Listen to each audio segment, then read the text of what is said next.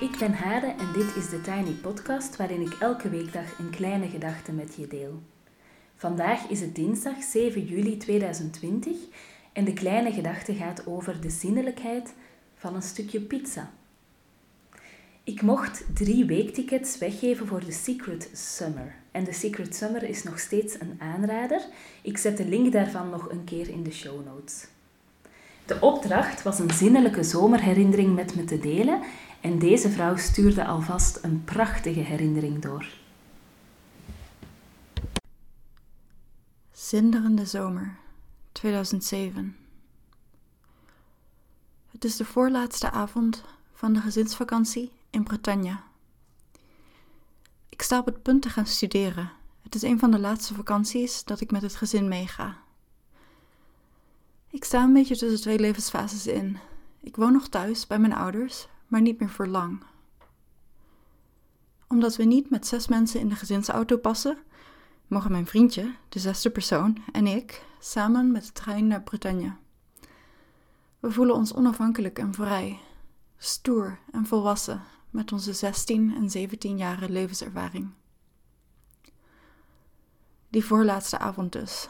Mama, die zoals altijd op dieet is, kookt een maaltijdsalade. De salade is heerlijk, verse groenten. En ik denk er met smaak aan terug, zeker nu ik al jaren op mezelf woon en vrijwel nooit de moeite neem een salade te maken voor mezelf.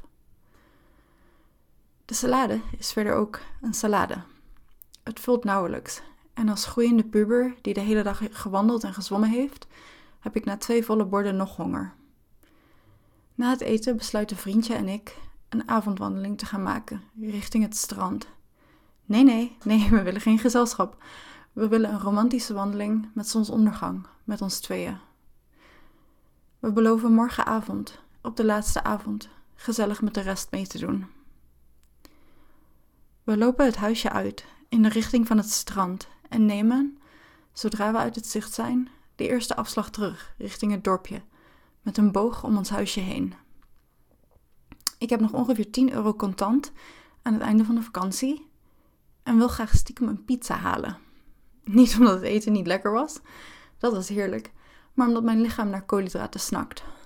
Zo gezegd, zo gedaan. En 20 minuten later lopen we, helemaal gloeiend van plezier, op de weg langs het strand met een geheime, stiekeme pizza.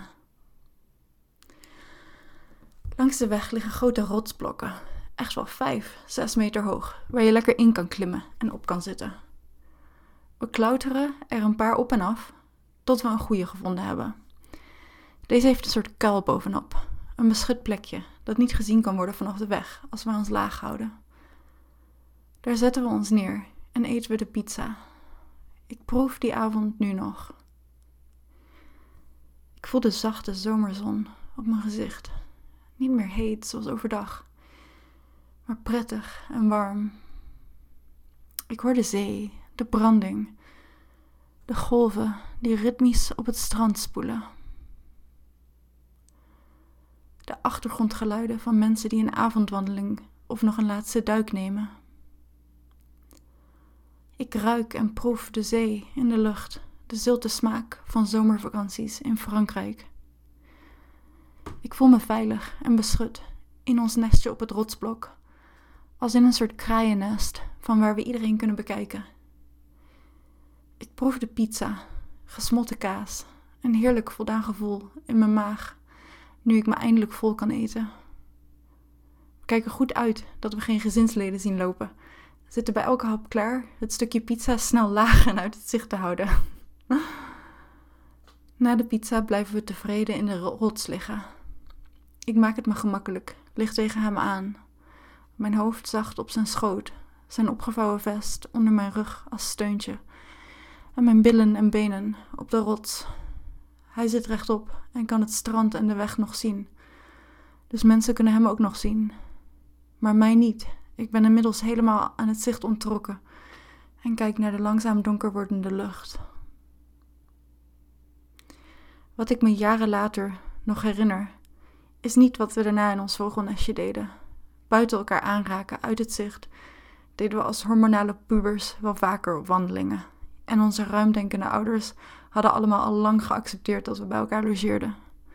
Wat me bijblijft is het spannende, geheime gevoel van die stiekeme pizza. Intussen zijn mijn zomercursussen allemaal van start gegaan, maar je kan nog steeds inschrijven en aanhaken. De eerste reacties waren positief. Ik merk dat mensen het fijn vinden met de opdrachten bezig te zijn, dus dat is ontzettend leuk om te horen. Het grote zomerboek is het meest speels. Daar ga je dingen maken, je spiegelen aan verhalen en zelf verhaaltjes maken. Zomerverhalen is wat meer technisch, is echt een storytelling cursus. En zomergedachten is laagdrempeliger en gaat over een thema dat met zomer te maken heeft. Dus elke week een thema. De link naar de zomercursussen staan, staat in de show notes. Tot zover voor vandaag. Je kan me volgen op Instagram, TheTinyPodcast. En je helpt me door deze podcast wat sterretjes te geven op iTunes, een review achter te laten en of hem door te sturen aan iemand anders die er misschien ook graag naar luistert. Tot morgen!